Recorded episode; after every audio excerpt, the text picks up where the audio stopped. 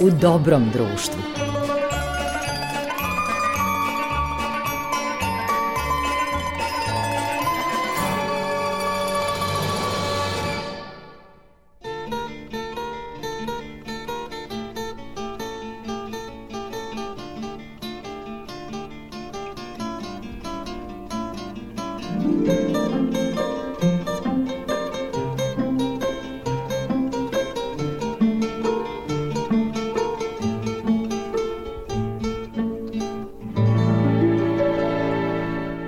Slušalci, dobrodošli u novo izdanje emisije U dobrom društvu. Ovu emisiju, kao i obično, tonski uobličava Marica Jung, vaš domaćin Goran Vukčević ima čast da predstavi novog gosta, zaista se nalazim u sjajnom društvu i to je redka prilika i velika mi je radost da mogu da ugostim u vaše i svoje ime Zorana Amara, reditelja. Hvala vam, e, pozdrav Radio Novom Sadu, prvi program, nadam se da ste svi dobro i ću probati da evociram dovoljno uspomena da ova emisija vama bude i zanimljiva, a i meni. Ne treba posebno, ja mislim, film o filmima predstavljati Zorana Amara, ali za širu publiku sigurno je najprepoznatljivije to što je on reditelj antologijskog filma Šmeker sa Žarkom Lauševićem u glavnoj ulozi. Da, apsolutno se slažem s vama, taj film je nadrastao, nadživeo, a, sve nas u nekom fenomenološki meni pomalo i nejasnom maniru, mnogo lepše nego što sam mogao da se nadam, ali ja bih rekao da sam ja isto tako za vaše slušalce mnogo važno. Autor jednog muzičkog filma koji se zove a, Celovečernji The Kid, koji je zapravo jedan jednosatni film o muzici Đorđe Balaševića gde je igrala velika glumačka ekipa taj film je po formi bio malo za drugačiji nego inače što se tada radilo razlog za to je bio neki novogodišnji program s kojim je Đorđe Balašević bio jako... Radila naša kuća, televizija, nezadovoljan, da. I je onda- Novi Sad. tada. Jeste, i onda su mene zvali i to valjda još nova godina je trajala, poslali kola nešto po mene. I, i ja to spominjem zbog toga što sam ja ne samo uživao u tom filmu i ne, ne samo upoznao toliko mnogo lepih ljudi iz Novog Sada pa i cele Vojvodine, mi smo dosta i putovali, nego što sam ja, čini mi se, tu naučio o tom ravničarskom, prečanskom, kako mi kažemo, mentalitetu, mnogo više nego što sam pre toga znao. Znači, to nije bio samo zanimljiv projekat, to je bila i jedna, jedno moje izlaženje u, u tu divnu Vojvodinu koju, eto, pamtim i sada. I taj film jako rado gledam s vremena na vreme. On se ne emituje nešto često, mi smo se valjda bili isporečkali. Gledao sam ga dva puta, ali ovaj, dugo ga nisam vidio. Tu je Tanja Bošković, Sveslav Goncić. Kako ne, kako ne, tu je... I tu je čitava priča, napravljena poetika, kao jedna muzička TV drama, putovanje kroz Đoletov, taj album Jesen stiže dunjo moja, je tu celovečerni The Kid, Crni labude. Crni labod, jeste, to je bila Doris Dragović, to je bila u par kadrova. To je bila jedna produkcija koja je, e, moja želja je bila da, da se dostigne e, u produkcijskom smislu, u nekom e, u vizuelno dramaturškom smislu pravljanja video spotova neki odmak ka ozbiljnijem dužem delu u dramaturgiji muzičkog filma mi smo tada gledali već neke fantastične filmove koji su došli Jeste, to je potpuno odudalo od svih show programa tada rađenih i kasnije i pre. Pa i drugo, ja sam tu svesno želeo da postavim neke repere kao, kao zahvalnicu, kao znak, recimo, sjećam se da, da je igrao Lane Gutović tog nekog smešnog kao Folubicu celovečernog dokida i mi smo taj dijalog recimo gde između njega i Đoleta to je bio dijalog iz Pet Gereti Bili Kida preveden čak je Lane to u svom genijalnom glumačkom maniru čak govorio engleski sa teškim akcentom tje ne d i tako i e, ja to pamtim kao smo Zezao se kao i obično. Da, da, da. Vrlo I bilo je- ironično. I, on je, I tu je uopšte cela ta ekipa glumaca s kojima sam ja vrlo često radio a, došla i, i pamtim, pamtim taj projekat kao jednu od najlepših mojih iskustava i uspomena. Šmekir je, Šmekir je mene učinio, kako da tako kažem, ono, Šmekir je uradio meni kao režiseru ono što bi želeo svakom filmađi, a to je da da, da shvati da je napravio nešto što će da ga nadživi. I ja taj film gledam, bar jednom godišnje, uvek se prevarim kao, ma jok, dva minuta ću, a to je, znam ga, ja sam ga pravio, međutim, on drži pažnju, on ima tu neku neobjašnjivu a, a, celovitost u sebi i to, to je, kako da vam kažem, neke stvari su mi jasne, da, kao ne. autoru, ali ako ćemo vrlo iskreno da pričamo, neke stvari mi nisu jasne. Kao to je u stvari metafizika, jedan deo je Boži dodir što se tiče filma, nešto što ne može autor da predvidi. Pa evo, ja sam to juče u nekom kafanskom razgovoru povodom ovoga skupa našeg ovde. E da, o kome ćemo skupu, pričati, da. da. A ja, ja imam, ne, ništa, ja tu originalan, ali ja tu imam teoriju ili stav više nego teoriju a, da je vreme jedini test za svako umetničko delo, a za film pogotovo. Ali to ne znači da je vreme test koji trajno odredi kvalitet. Mora da se revalorizuju, režno, reći možda previše ekonomske prirode, ali mora da se preispita taj test vremena svakih, šta ja znam, desetak, 15, 20 godina, jer neki filmovi brzo stare pa onda ne stare, neki filmovi ne stare uopšte pa onda ne, ne, jednostavno ne odgovaraju vremenu, ali to je snaga filma kao medija, to je tu se traže koreni šta je umetničko u filmu. Upravo u tim elementima preživljavanja, komunikacije sa novim vremenom. Sa novim generacijama. Sa novim generacijama, naravno, sa novim estetikama, sa novim herojima. I ta priča uopšte nije jednostavna i tu nema baš previše sigurnih ovaj, do sada fenomenološki skoro apsolutno meni, ne, ne, ne, ne, iz nepoznatih razloga, ali vrlo prijatno, Šmekir je dobro stario. Da li će tako da nastavi, da li će tako da bude i kad ja odem, ja se nadam, ali to ne možemo znati sigurno. To je sjajna stvar, a ovo kao gledalac, eto sad, i, i ja već idem ka nekoj starijoj generaciji, mogu kao gledalac da kažem, neke serije, recimo, sam jako voleo i sad bih svaki put sednem da ih odgledam, radujem im se neke antologijske jugoslovenske serije. Da, da, da a neke koje sam jako voleo tada sada ne želim da im se vraćam jer me više ne, ne dotiču ne, nekako me, ne se e, to važi pošto sam ja 93. otišao u Ameriku pa tamo sam do sada proveo veliku većinu vremena to važi za sve to važi za Ameriku to važi hoću da kažem kinematografija, televizija, čuvene serije, e, to nije naš problem, to je svetski problem ja sam otišao u Ameriku u vreme kada je Seinfeld uh, bio veliki pomak u načinu razmišljanja. Prvi put se pravi serija o najizgled beznačajnim stvarima, o detaljima, o slabostima ljudskog karaktera, o glupostima, o, o tupostima, o smešnim, trivialnim detaljima, ali to je bilo gledano fantastično. Ja sam probao to da gledam pre godinu dana nisam mogao. Recimo, jedna od meni čuvenih serija Alo, Alo nije baš preživela ta vremena kako treba, bar ima govorimo o ličnom iskustvu. I meni se tako čini isto, da. A bila mi je apsolutno fascinantno. Ali hoću ja kažem, ako se vratimo na Balkan, ima tu, a, a, mi smo imali fazu tih ogromnih a, drama televizijskih koje su rađene u svim studijima, pogotovo u televizije Beograd, 60. i 70. s kojima sam ja rastao, moja majka radila na televiziji, da osnivača televizije Beograd, tako da naravno da ja to pamtim jako dobro. E, malo toga je sačuvano, nešto od toga je fantastično a nešto...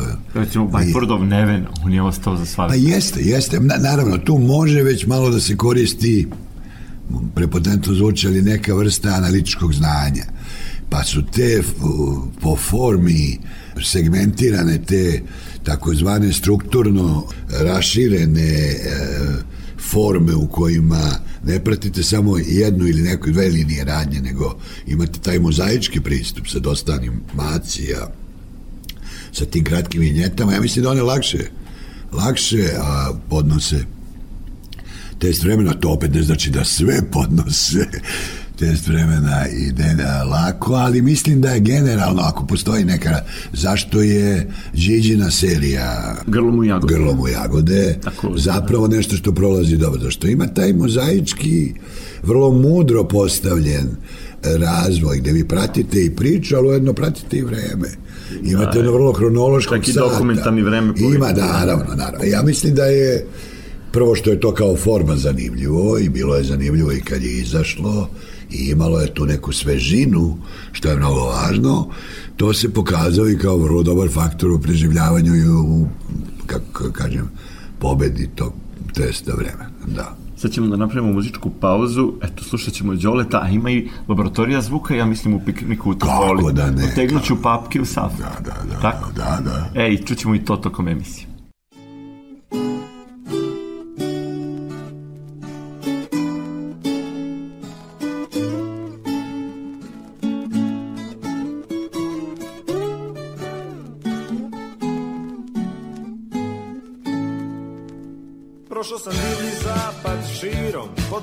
Pod nebeskim šeširom, a to baš nije neki raj. Kaktusi, kojoti, oluje, pa nema vode i struje, o kakav zabit kraj. Ali ja sam gorio svog vranca, mada sam dobar ortak s njim. Morao sam naći toga stranca, da najzad rašće s tim sa tim. Zašto je slavan i koliko je brz na kraju kraja. Celo večer nije da kid, Santa Fea do Santo Francisca. I dalje dokle god opire vid Čuje se muzika, larma i vriska Gde god je celo večernji kit Cure visoke, a prerija niska. Na čudnim mestima ostavlja trag Od Santa Fea do Santo Francisca Sa njim jaše vrag. Santa Fea do Santo Francisca Sa njim jaše vrag poput tvrdoglavog komanča Svud širom Božje granča, jako sam za njim Sa koje strane pištolj drži, ma nije valjda brži On ne mirim se s tim. Prošao sam pravu kataklizmu, sreto sam grizlje i šljam.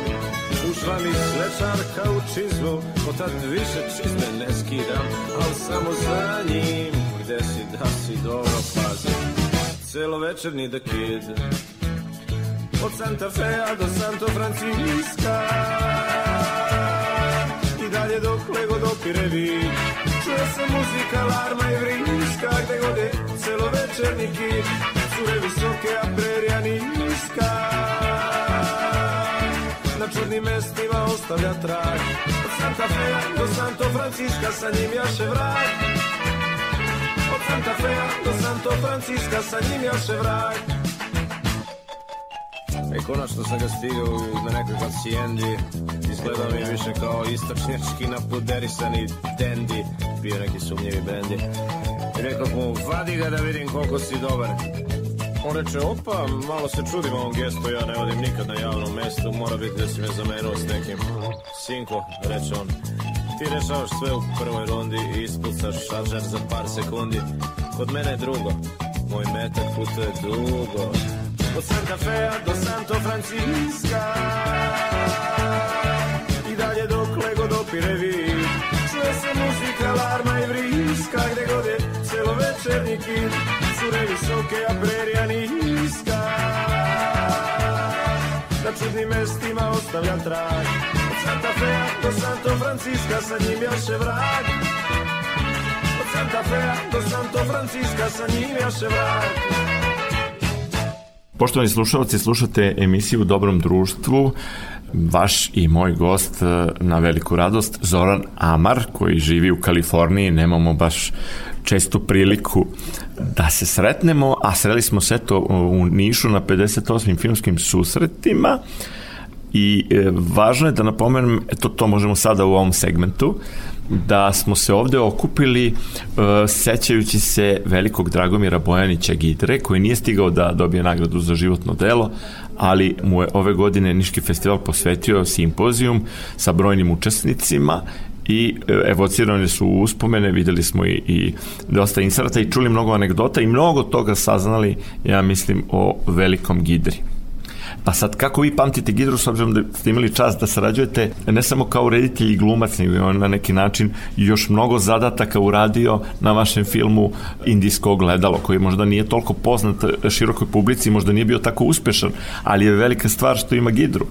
Potpuno ste upravo, a Indijsko gledalo je jedan potpuno da tako kažem u istoriji našeg filma skrajnut projekat ja, ja recimo mislim delimično i sa pravom jer je on probao da bude jedna malo specifičnija komedija o, karakteru ovoga našeg srbijanskog mentaliteta, kakve su se mnoge pravile, čak je bila i neka hiperinflacija tih projekata, neke su bile jako uspešne, Gidra je bio deo njih, neke su bile isto uspešne gde on nije bio deo njih, vi ste imali tu neke važne autore od Duška Kovačevića i Bože Nikolića, jel, preko Šijana, Bate Prelića, sa ulogama Sonje Savić koji su svakako... Vodicu, da, da, da, da, Cukir Vaser.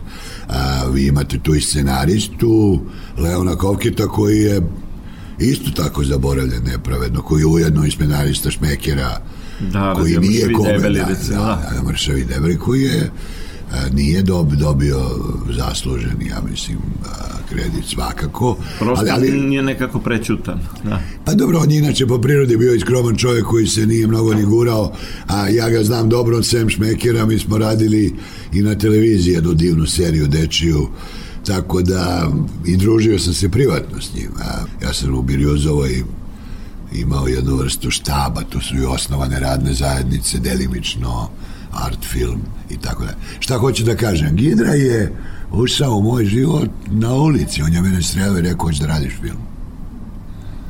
Zašto mene? Ja sam tad tek završio piknik u Topoli, Piknik u Topoli je apsolutno smatran eksperimentalnim filmom.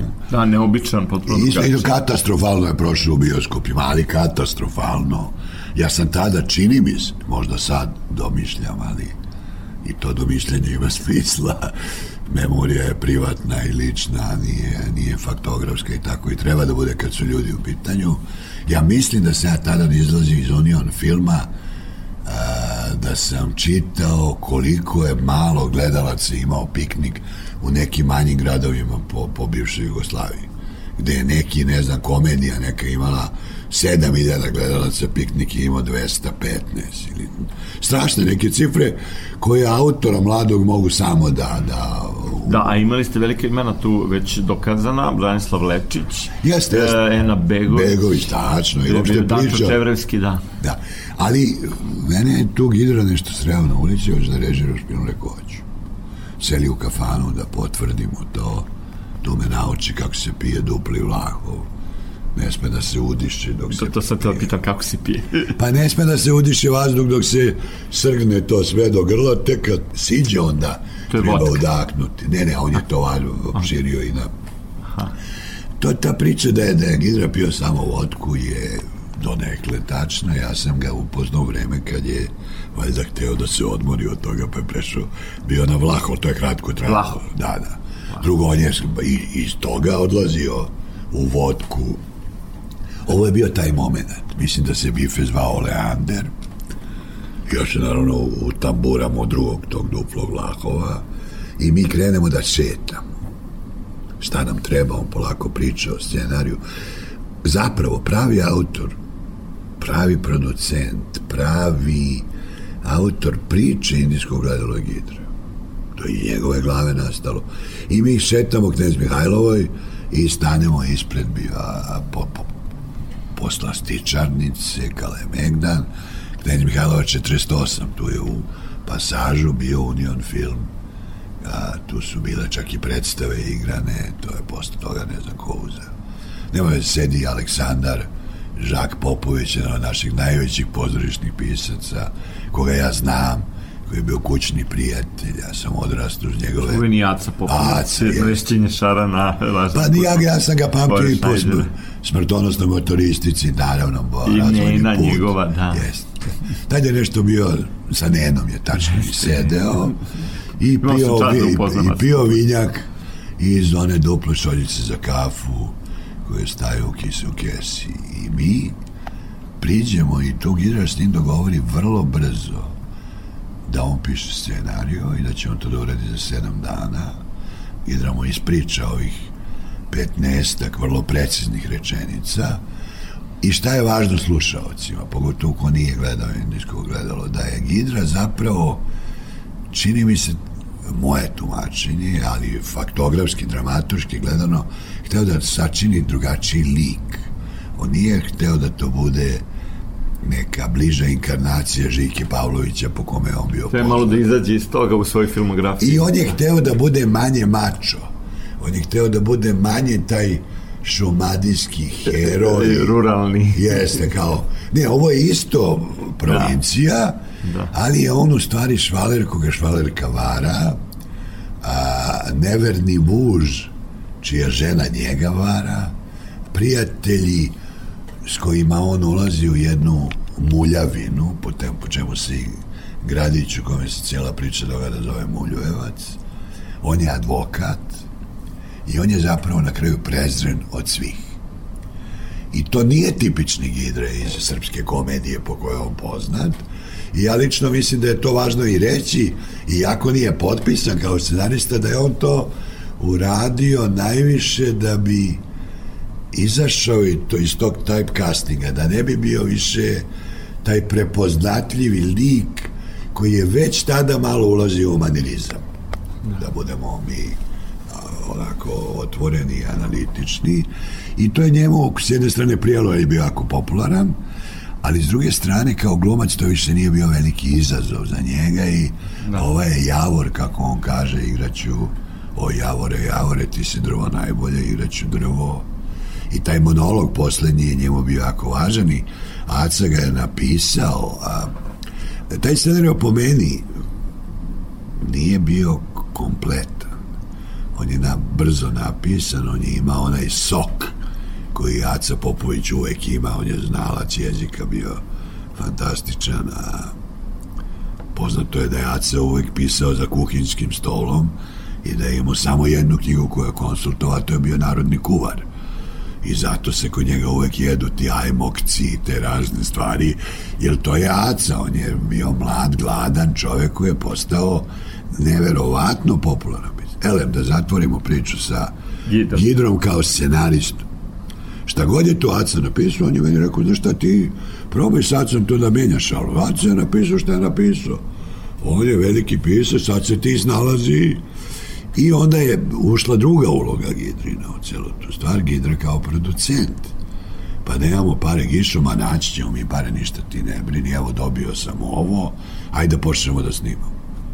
Mi smo zapravo, mi nismo imali gotovu kalkulaciju, mi smo ušli u film onako grlom jagode i to se odrazilo i na produkcijskom nivou.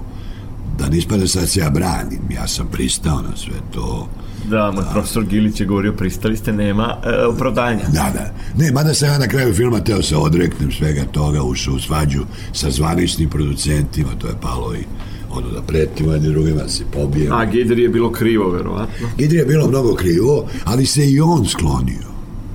I sada zaokružimo ovo mnogo bitno.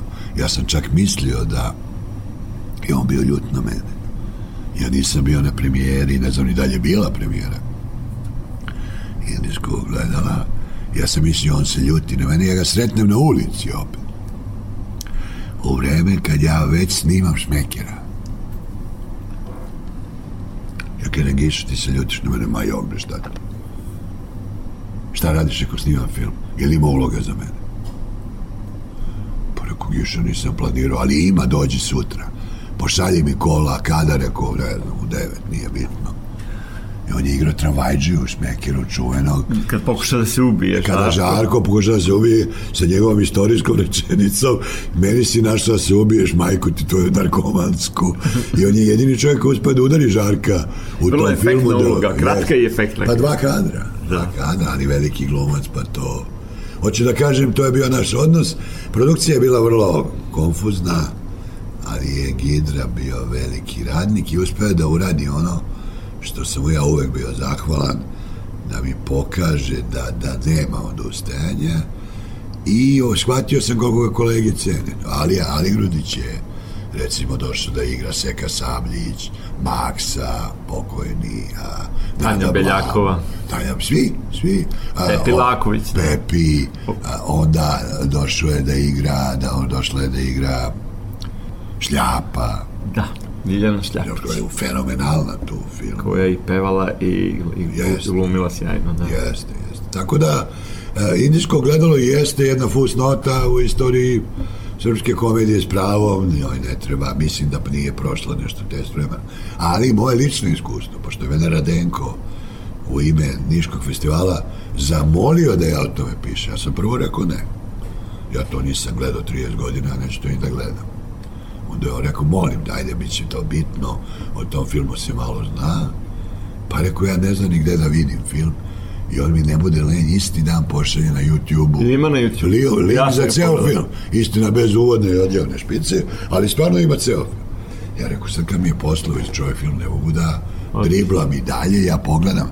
I pogledao sam film tri puta i moj utisak na kraju je bio da mi a, možemo da pričamo da je istorija ovakva ili onaka kao što sam pričao za Šmekire, jel? A, ovde film nije prošao taj test vremena, ali meni je doneo duboke emocije i podsjetio me na to vreme i mislim da ono što je mnogo bitno ipak sačuvao jedan manje više nepoznat segment tog Idri kao, kao veliko, kao gorosta su zapravo srpskog filma, jer on to jeste, on je jedan od desetak najvećih ljudi koje mi imamo. Slušamo muziku. Da, da.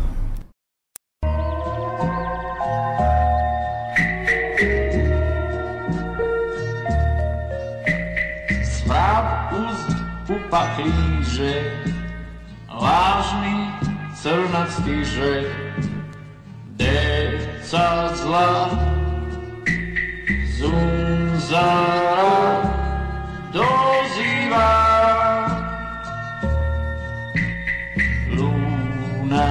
Yeah.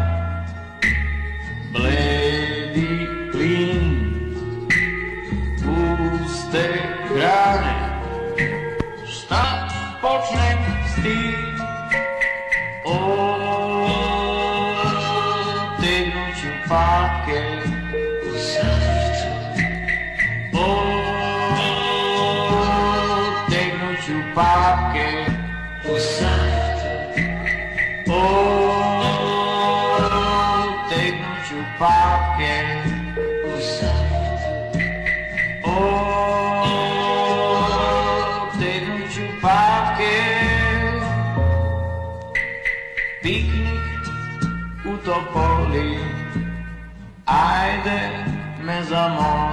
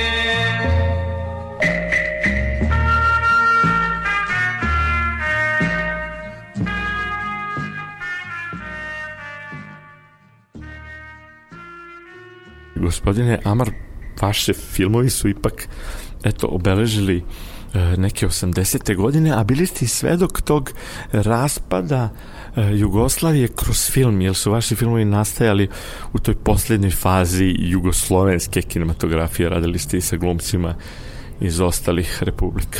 Ja sam otišao januaru 93. Ja sam raspad video samo u onoj prvoj fazi. Ja. Ratovi su za Beograđane bili još na periferiji, to je namerno sklanjano od nas. To je bilo komplikovano vreme, ja sam vrlo malo dolazio tokom 90-ih. Ja sam a, potpuno drugi život počeo u Americi i radio neke marginalne poslove što se filma tiče jedno dugo vreme. Ali ja sam sad radio čekajući pare za igrani film koji će valjda doći konačno za film za koji sam dobio jedan deo sredstava od centra Srbije. Ja sam radio sa jednom seriju o, o situaciji u Beogradu 92. 93. imao to zadovoljstvo da pregledam veliku količinu arhive iz onog vremena i da, shvat, da, da, da zapravo shvatim da ja možda imam neko malo opravdanje jer nisam bio tu ali mi svi imamo generalno znači i ja tu tendenciju da strašno brzo zaboravljamo. I, i taj, taj problem je e, stavlja novo težište na dokumentariste generalno stavljam novo težište na ljude koji skupljaju i čine arhive. E, svi ti muzeji istorijski se moraju modernizovati jer ta digitalna zaostavština postaje jako velika ali raštrkana i ona se nebrigom polako propašćuje to je ta destrukcija VHS kaseta koje više ne čuvaju taj signal ni slike ni tona i oni se moraju ili spasiti, digitalizovati. Ti zapisci trajno propadaju. Da, i oni trajno propadaju, a ono što je još strašnije, svedoci vremena isto nestaju. Ja sam imao veliku sreću da sam tu seriju koja zove Beogradski krug počnem da radim daleke 2017. zapravo u svojoj režiji, privatno e, i da, da, da snimim intervjue sa nekim jako poznatim osobama koje su umeđu vremenu nestale. Znači, to su dragoceni dokumenti i ako vi imate 40 minuta razgovora sa osobom kakva je Latinka Perović, mora da se razume jedna stvar. Potpuno je nevažno šta politički ko misli. Potpuno je nevažno sa stanovišta. Ali iskustvo je bogatstvo. Šta je to arhiva? Da. Ta arhiva mora biti za nju jednako poštena, dostupna kao za bilo koga drugog. Jer ta priča da istoriju pišu pobednici, to je u stvari jedna vrlo površna misao. Ko su pobednici? Pa pobednici ako se menjaju svaki 10, 20 ili 50 godina. Na kraju ipak dobijemo istinu. Ne, ne, a ako je nismo pazili, onda imamo zaborav. Jer ko je pobedio u drugom svetskom ratu danas? Kako mi to gledamo? Zašto neke stvari koje nisu bile istina sad treba da izađu, zašto nisu izašle, gde je spoj jednog tumačenja istine, drugog, trećeg, ko će to jednog dana da stavi u jednu normalnu liniju, mislim, pričam kao laik, naravno, ali pričam kao ljudsko biće, pričam da, dobili smo dosta lažnih, da. dobili smo, mi, mi i dalje imamo napade na, na istorijske činjenice, onako šešeljevski, to je, to je neuko. To je jedan, to je jedan polupismeno vulgarni napad na neke činjenice. Ne branim ja ništa što ne treba da se brani. Ali da bi nešto bilo skinuto sa pozicije istine, to mora samo istinom da se skine odatle, a ne sad nekim vređanjima trećerazrednog tipa. Mržnja ne postoji u ozbiljnom pamćenju. Ako ljudi misle da je drugačije, ako misle da je osveta način kako se piše istorija, opet žive u velikoj zabludi. Potpuno pogrešno. I, da, i, to, da. I to su i uvek onaj koji je dole, uvek onaj koga napadaju, to oseti, a ne onaj koji to čini. I mi umesto da to iz toga naučimo nešto, to, to je na nivou porodice. Tu porodica postaje iskustvo kao i društvo. Ako mi takve stvari unutar porodice pustimo, ako je nama sin kriminalac i dalje heroj zbog toga što je naš, to su To sudbinske, to su sudbinske stvari, zato postoji umetnost, zato postoji drama, zato koja postoji... je uvek subverzivna i treba da bude, da. I koja pokušava da razume sve te druge. I odana istini, istina bez ostrašćenosti, istina Pa naravno, nadahnuće. pa naravno, naravno. E, treba znati i istinu govoriti. Nije ni to tako jednostavno. Pogotovo u, društvu u kome je psovanje druge strane praktično jedini način razgovora. Kad nema argumenta. Pa ne samo, ne, ne, ne samo to, nego sk- skratila se pažnja ljudi i to je na svetskom nivou. Isto to nismo površnost. Da, da, treba samo uvrediti i to u tri reči. U suštini a, nema više heroja. Heroji su ljudi koji se ne plaše sukoba mišljenja, koji veruju u svoju a, u svoju dobrotu u govoru, u nastupu. I danas mi gradimo iz generaciju u generaciju sve odvratnije zapravo te glasnogovornike nekih ideja i, i nama je to u redu jer je naš ali nam smeta s druge strane mi ne shvatamo da smo mi time sprečili progres sprečili ga To nam je osnovna boljka. Zato sam se bavio Archibaldom Riceom. a između ostalog naravno Da, i hteo sam da pomenem ovom prilikom i pomenuli ste da ste radili razgovore sa zanimljivim ljudima e, isto to mislim da je nevjerojatno dragoceno zabeležiti nečiji rad E, u svom opusu imam i film o Tanasiju Zunoviću i o Veljku Despotoviću i to su sada pravi biseri naravno i, i ljudi koji su gostovali u i ovoj radijskoj emisiji, u televizijskoj portreta filmskih, ali neki koji nisu recimo rado izlazili u javnost, uspeo sam i njih da zabeležim, tako da znam potpuno o čemu govorite. A meni je sada zanimljivo, postoje neki ljudi koje nisam imao čast da lično upoznam, a da sam ih gledao na sceni.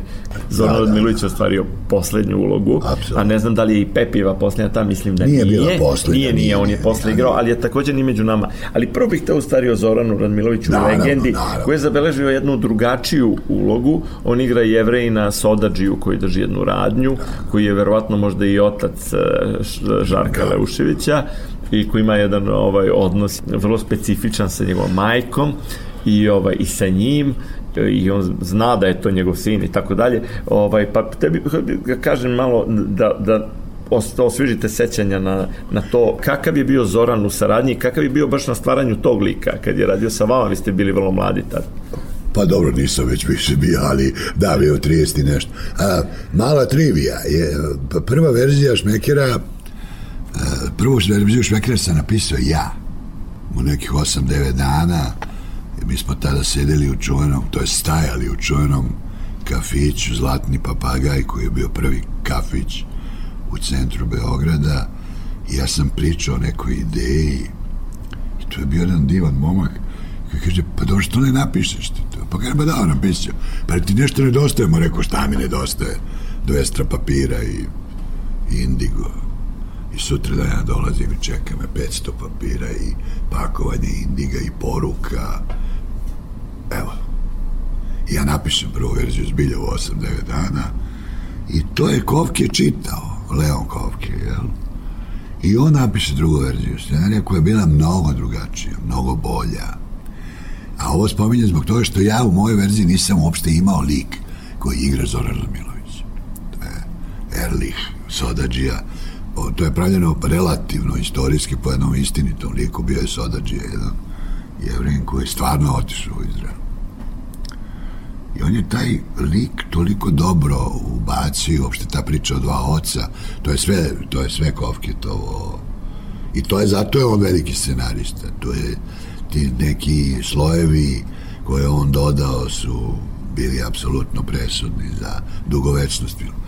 Znači, ja kažem, ovo samo može Zoran da igra, pa nije Zoran dobro i to, ali ako pozovite čoveka... Da, već je bio u termalnoj fazi kancera. Da. Jeste, I on je, pa on je umro 30 i nešto dana pošto je snimio što je jako brzo. Mi smo to snimali u maju, on je umro 25. ja mislim jula 80. Znači on dolazi na snimanje da se mi dogovorimo, ja ga znam iz viđenja, ja ga znam iz kafane, ali mi nikad nismo radili. Ja ga pamtim po mnogim stvarima. Ja ga pamtim po njegovoj prvoj ulozi, pozorišta. A moj otac je bio upravnik pozorišta na Crvenom krstu, Beogradskog dramskog, i on je bio tada njihov glumac. I Nebojša Komadina je režirao Hamleta. I Hamleta je igrao Zoran Radmilović. I taj Hamlet je jako loše prošao. To je jedan od onih takozvanih brzo zaboravljenih Hamleta, a meni je Zoran bio fantastičan. Ja to pamtim kao dete, jer je on odigrao to Hamleta bez to biti ili ne biti.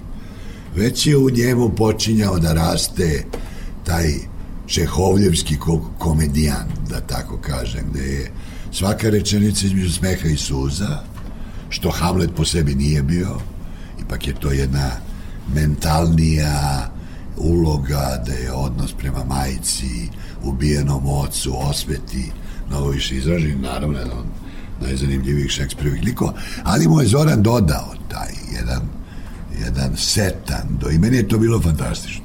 Ja ga pamtim od onog vremena i sad, naravno, on je već Ibi, on je već Radovan treći, on je već naš najveći glumac pozorišni, sa nekoliko izvanrednih televizijskih uloga i nekoliko izvanrednih filmskih.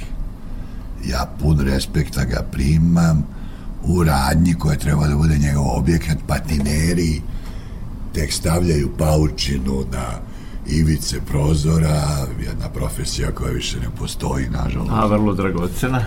Ele, znači, sodađiska radnja se kombo, kombinuje tu iza. I on meni kaže, sve je u redu, nemoj ništa da brine, sve će to biti okej. Okay. Prihvatio je. Ajde, da, da, prihvatio nije, ja ne znam ni za pare šta je bilo, ni dalje je to bilo važno. Samo kaže da snimamo brzo. Ja kažem, pa dobro, Zorane, pošto i jevrej, znaš, kaže, sve znam, jevrej nose kape, sad ćemo mi to da nađemo, pošto je prihvatio tu kožnu stvar za sodađije, moraju da se zaštite, pa imaju tu neku a, vrstu kecelje kožne, zato što rade pored te mašine, koja tako je malo oštra. I tu, pošto je Manasijeva ulica, koja mislim da više i ne postoji, koja je bila iza Bigza, iza Bigza, da, da, da, izlazila je tamo bliže. Tu je pet bio taj objekat. Tu je bio taj objekat. To je bilo dva objekta zapravo. Divan kraj. To je preko puta u Ladovini stoji pet, šest lokalaca. Piju pivo i došao Zoran Radmilović, to se odmah pročuje tu. Spor je život bio tada. I on pogleda ovako preko puta ovog jednog, kaže, možda dođeš, molim. Sad ovaj čovjek onako malo uplašen, veliki, jak, sa nekom masnom, ali ne može biti masnija, ona beretka koja je u stvari poprimila oblik njegove glave. To je toliko deformisano već bilo. A ovaj glavat dosta bio. Međutim, ja nisam znao, kaže meni Zoran, i ja sam glavat. I on kaže, je li jer bi ti pozajmio meni ovo da ja ću to par dana tu, pa ću to ti vratiti. Ma kaže, naravno, sve. Hoćeš ja ti kupim neki šešir i to da, da. Ne, ne, nema problema. I on stavio ovako, to kao kruna, to je, on je rekao, ali dobro, ja kažem, fenomenalno.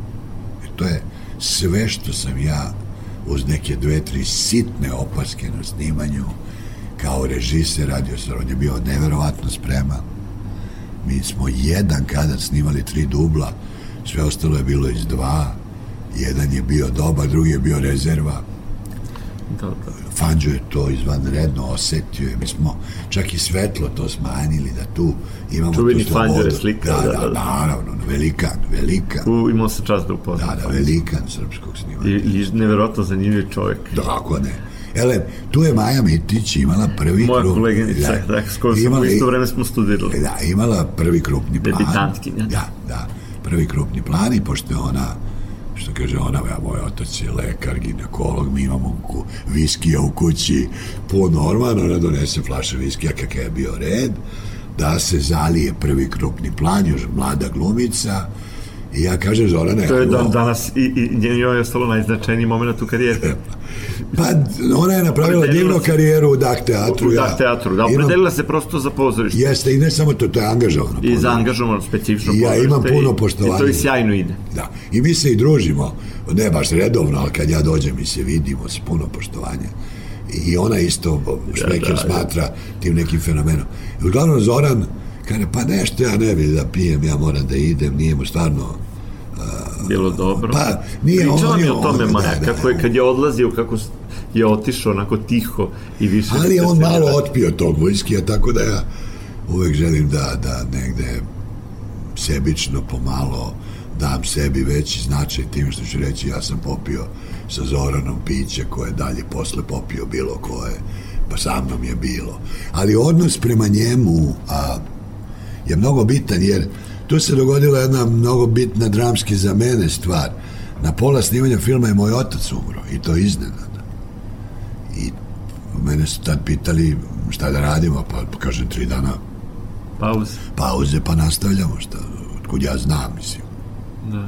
nikad čovek nije spreman na te stvari to ne postoji sad neko prethodno iskustvo umreti roditelj to svako prošli to doživi da to je, to je neka nova tragedija koja udara a on je stvarno Život se potpuno promeni, da.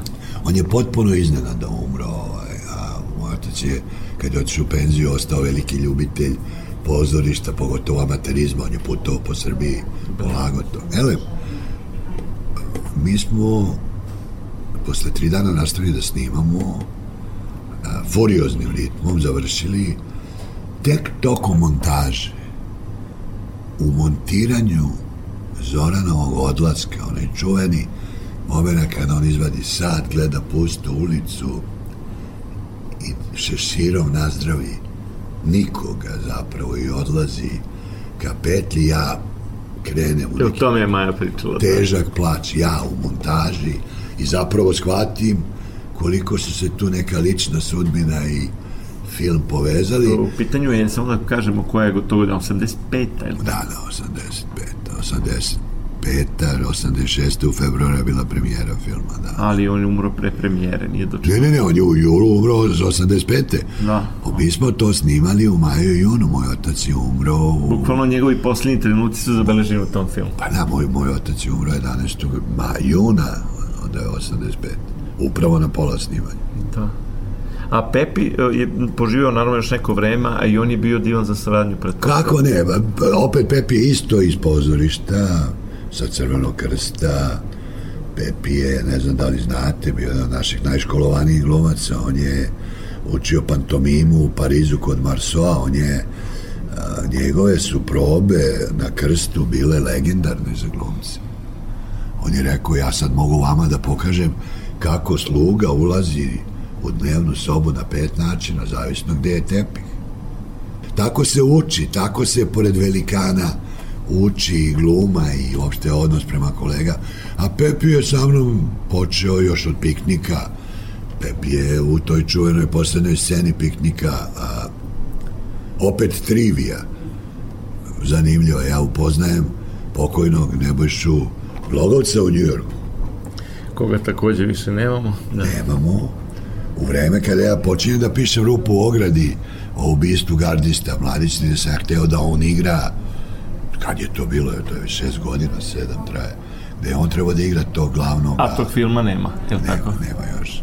Ali to jedva čekam, pošto mislim da je to Ali vrlo pazite, bolna. ja upoznajem, ja upoznajem Nebojšu Glogovca u čuvenoj kafani u Queensu koja ima divan pogled na Manhattan. Ja dolazim Žarko Laušević i ja, moj komšija i još neki ljudi, oni svi njega znaju odlično. Nas dvojica se upoznajemo i on meni pruža ruku sa monologom koji je Pepi izgovorio na kraju piknika u Topoli. Svaka čast. I meni suze krenu. Sjajno. I Ba- baš to je se tako, podsjetim tako poštovanje da ja toga apsolutno niti bio spreman, niti... Te noći smo on ja proveli pričajući sigurno jedno dva sata o svemu, on je trebinjac, vrlo jedan a, dubok čovek. E, sutra da Poznavali odgledam, sutra da odgledam Huddersfield, da. i odemo u neku kafanu Tad posle toga, 1000 da. I samo mi ovako rekao, ja ga zagrlim, kaže, nemoj samo da pričamo o predstavi, sve drugo je. Da, da, kasnije sam. izašao i film. Da, da, da. da. Jer kaže, smori ga to toliko da onda eto, to vam je u krug. Ta priča, Pepi je Pepi je znao sa mnom tu, tu čuvenu rečenicu koja je postala moja a, kako glumcu ne treba mnogo govoriti. On je meni ovako govorio. Rođeni, da li me razumeš? I tu stane Ja mislim tačka. da je divno uh, kad glumac ne traži mnogo od reditelja, a Dobro, ali kako mi se čutići razumeju. da, Da, da. Imao bih dosta još pitanja, žao mi je što smo pri kraju emisije. Eto, recimo, pokojna Merima je trebalo da igra u pikniku u Topoli. Počela je da snima, pa je zamenila pokojna Ena. Yes, I, nažalost, ne, ne, nisu više obe među nama. Bilo je prosto nesretan slučaj da je ona imala saobraćajku i ostala trajan invalid na početku blistave karijere, Merima Isaković. A posle e, glumica koja je napravila veliku karijeru, ali takođe prerano otišla, Ena Begović, e, pre 20 Pa, godina. prerano je otišla i Kosanovićka I Goca Kosanović koja takođe igra u piknik. Imao je taj film neki svoj usud, vrlo tragičan, to je stvarno... Čudno, neka nešto baš... Trebalo je biti debitant, nama, da. debitant u jednom filmu sa toliko problema. Mi smo imali, mi smo imali tri početka snimanja filma. Mi smo uradili film bez ikakvog budžeta. Mi smo, mislim, ne da se pravdam, nego tu počinju neke jače sile od logike i Da. plana snimanja da vladaju. Ko će šta da radi? Mi sećam se da smo završili film furioznim ritmom, one čuvene tuče gde je bio i Leka i pokojni Raca Prodanović i pokojni Mile Stanković u toj vodi ledenoj. Kažu meni, ovaj, počeće snijeg da pada danas popodne. Ledeno. Pa reku, dobro, ajde snimamo dok ne pode sneg. Ja vičem zadnji kad, pošto ovi u vodi, ne smijem ja sada te teram da glumim ljude koji se smrzavaju. I tu fanđu nešto iz ruke, uradi par nekih kadrova, da ubrzamo, ja kažem, gotovo, pogledam u nebo, pošto je sneg da pada. Tako da to su, opet, kad kažem, male anegdote. Vi se uskoro vraćate u Kaliforniju. Ja se vraćam za koji dan, da. Da, mi ćemo ovaj, sada da završimo ovu emisiju, a do sledećeg susreta mislim da bi bilo lepo da nastavimo razgovor. Meni je stvarno bilo uživanje. I meni takođe, slobodno, i pošaljite mi emisiju i... Vi ste profesor u... Ja sam penzionista, gotov sam. Sad ste Ja penzionistan. sam otišao u penziju, ja sam godinama predavao u Njujorku, a, voleo taj posao, ali sad sam penzioner, sad više osjećam kao penzionisani scenarista, režiser. I nadam se da ću uspeti da snimim taj jedan, možda još dva filma za života, da zaokružim, to je to ovaj dokumentarna serija je urađena, uradit ću još jednu, možda dve, dovoljno. Dovoljno jer sam veliku pauzu napravio vezano za emigraciju i za sve to, ničeg mi naravno nije žao, baš tako je trebalo, ali imam potrebu kao i svi da neke stvari zaokružim. Eto. E, mnogo vam hvala, e, zaista mi je bila čast. E, poštovani slušalci, ovo je bio Zoran Amar, reditelj, od koga očekujemo nove filmove zanimljive, a i da se ponovo sretnemo. Ovo emisiju tonski obličila Marica Jung, Goran Vukčević je bio vaš domaćin. Emisiju možete slušati u repriznom terminu, četvrtkom posle vesti u 16 časova, a takođe i dugo, dugo još na podcastu, dakle na sajtu rtv.rs odloženo slušanje je opcija emisija u dobrom društvu. Prijatno ostanite u dobrom društvu.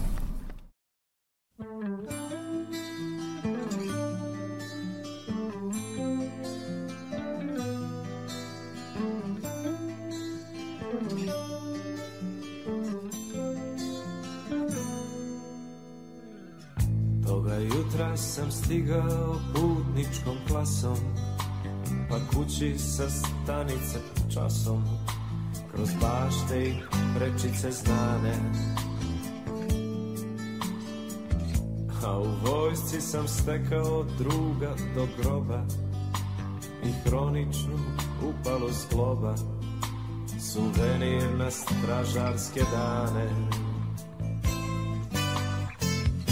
Ušao sam na prstima Ma ti beše već budna i brzo se prekrstila.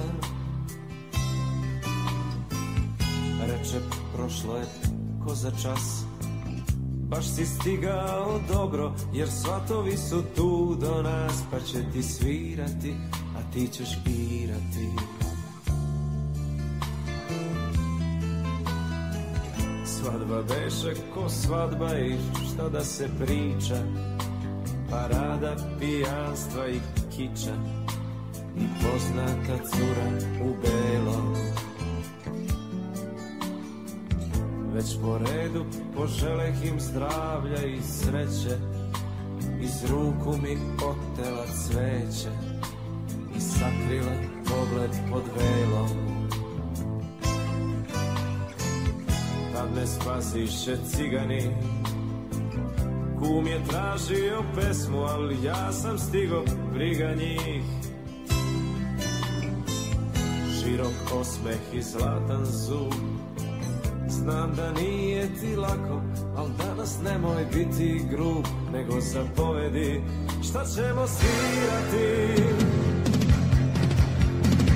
Svirajte mi jesen stiže dunjo moja Jesen rana.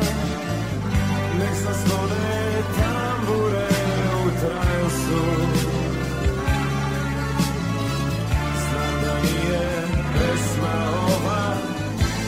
Za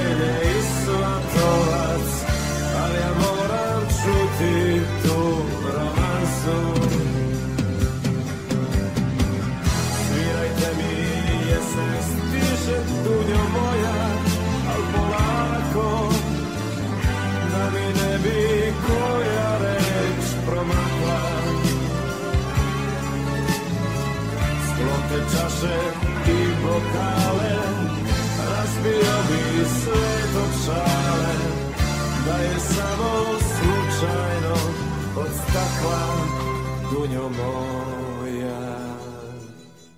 Redko odlazim kući, a pišem još ređe. I slike su bleđe i bleđe Pa lepe potiskuju ružne. Al nekad poručim piće i tako to krene A stigne u svatove njene Sve prave su ljubavi tužne. Nikom ne pričam o tome. Brzo dođe taj talas i znam da ću da potonem. Spas mi donose cigani. Oni imaju srce za svakog od nas. Briga njih, oni me pitaju šta da sviraju Svirajte mi jesen stiže dunja moja Jesen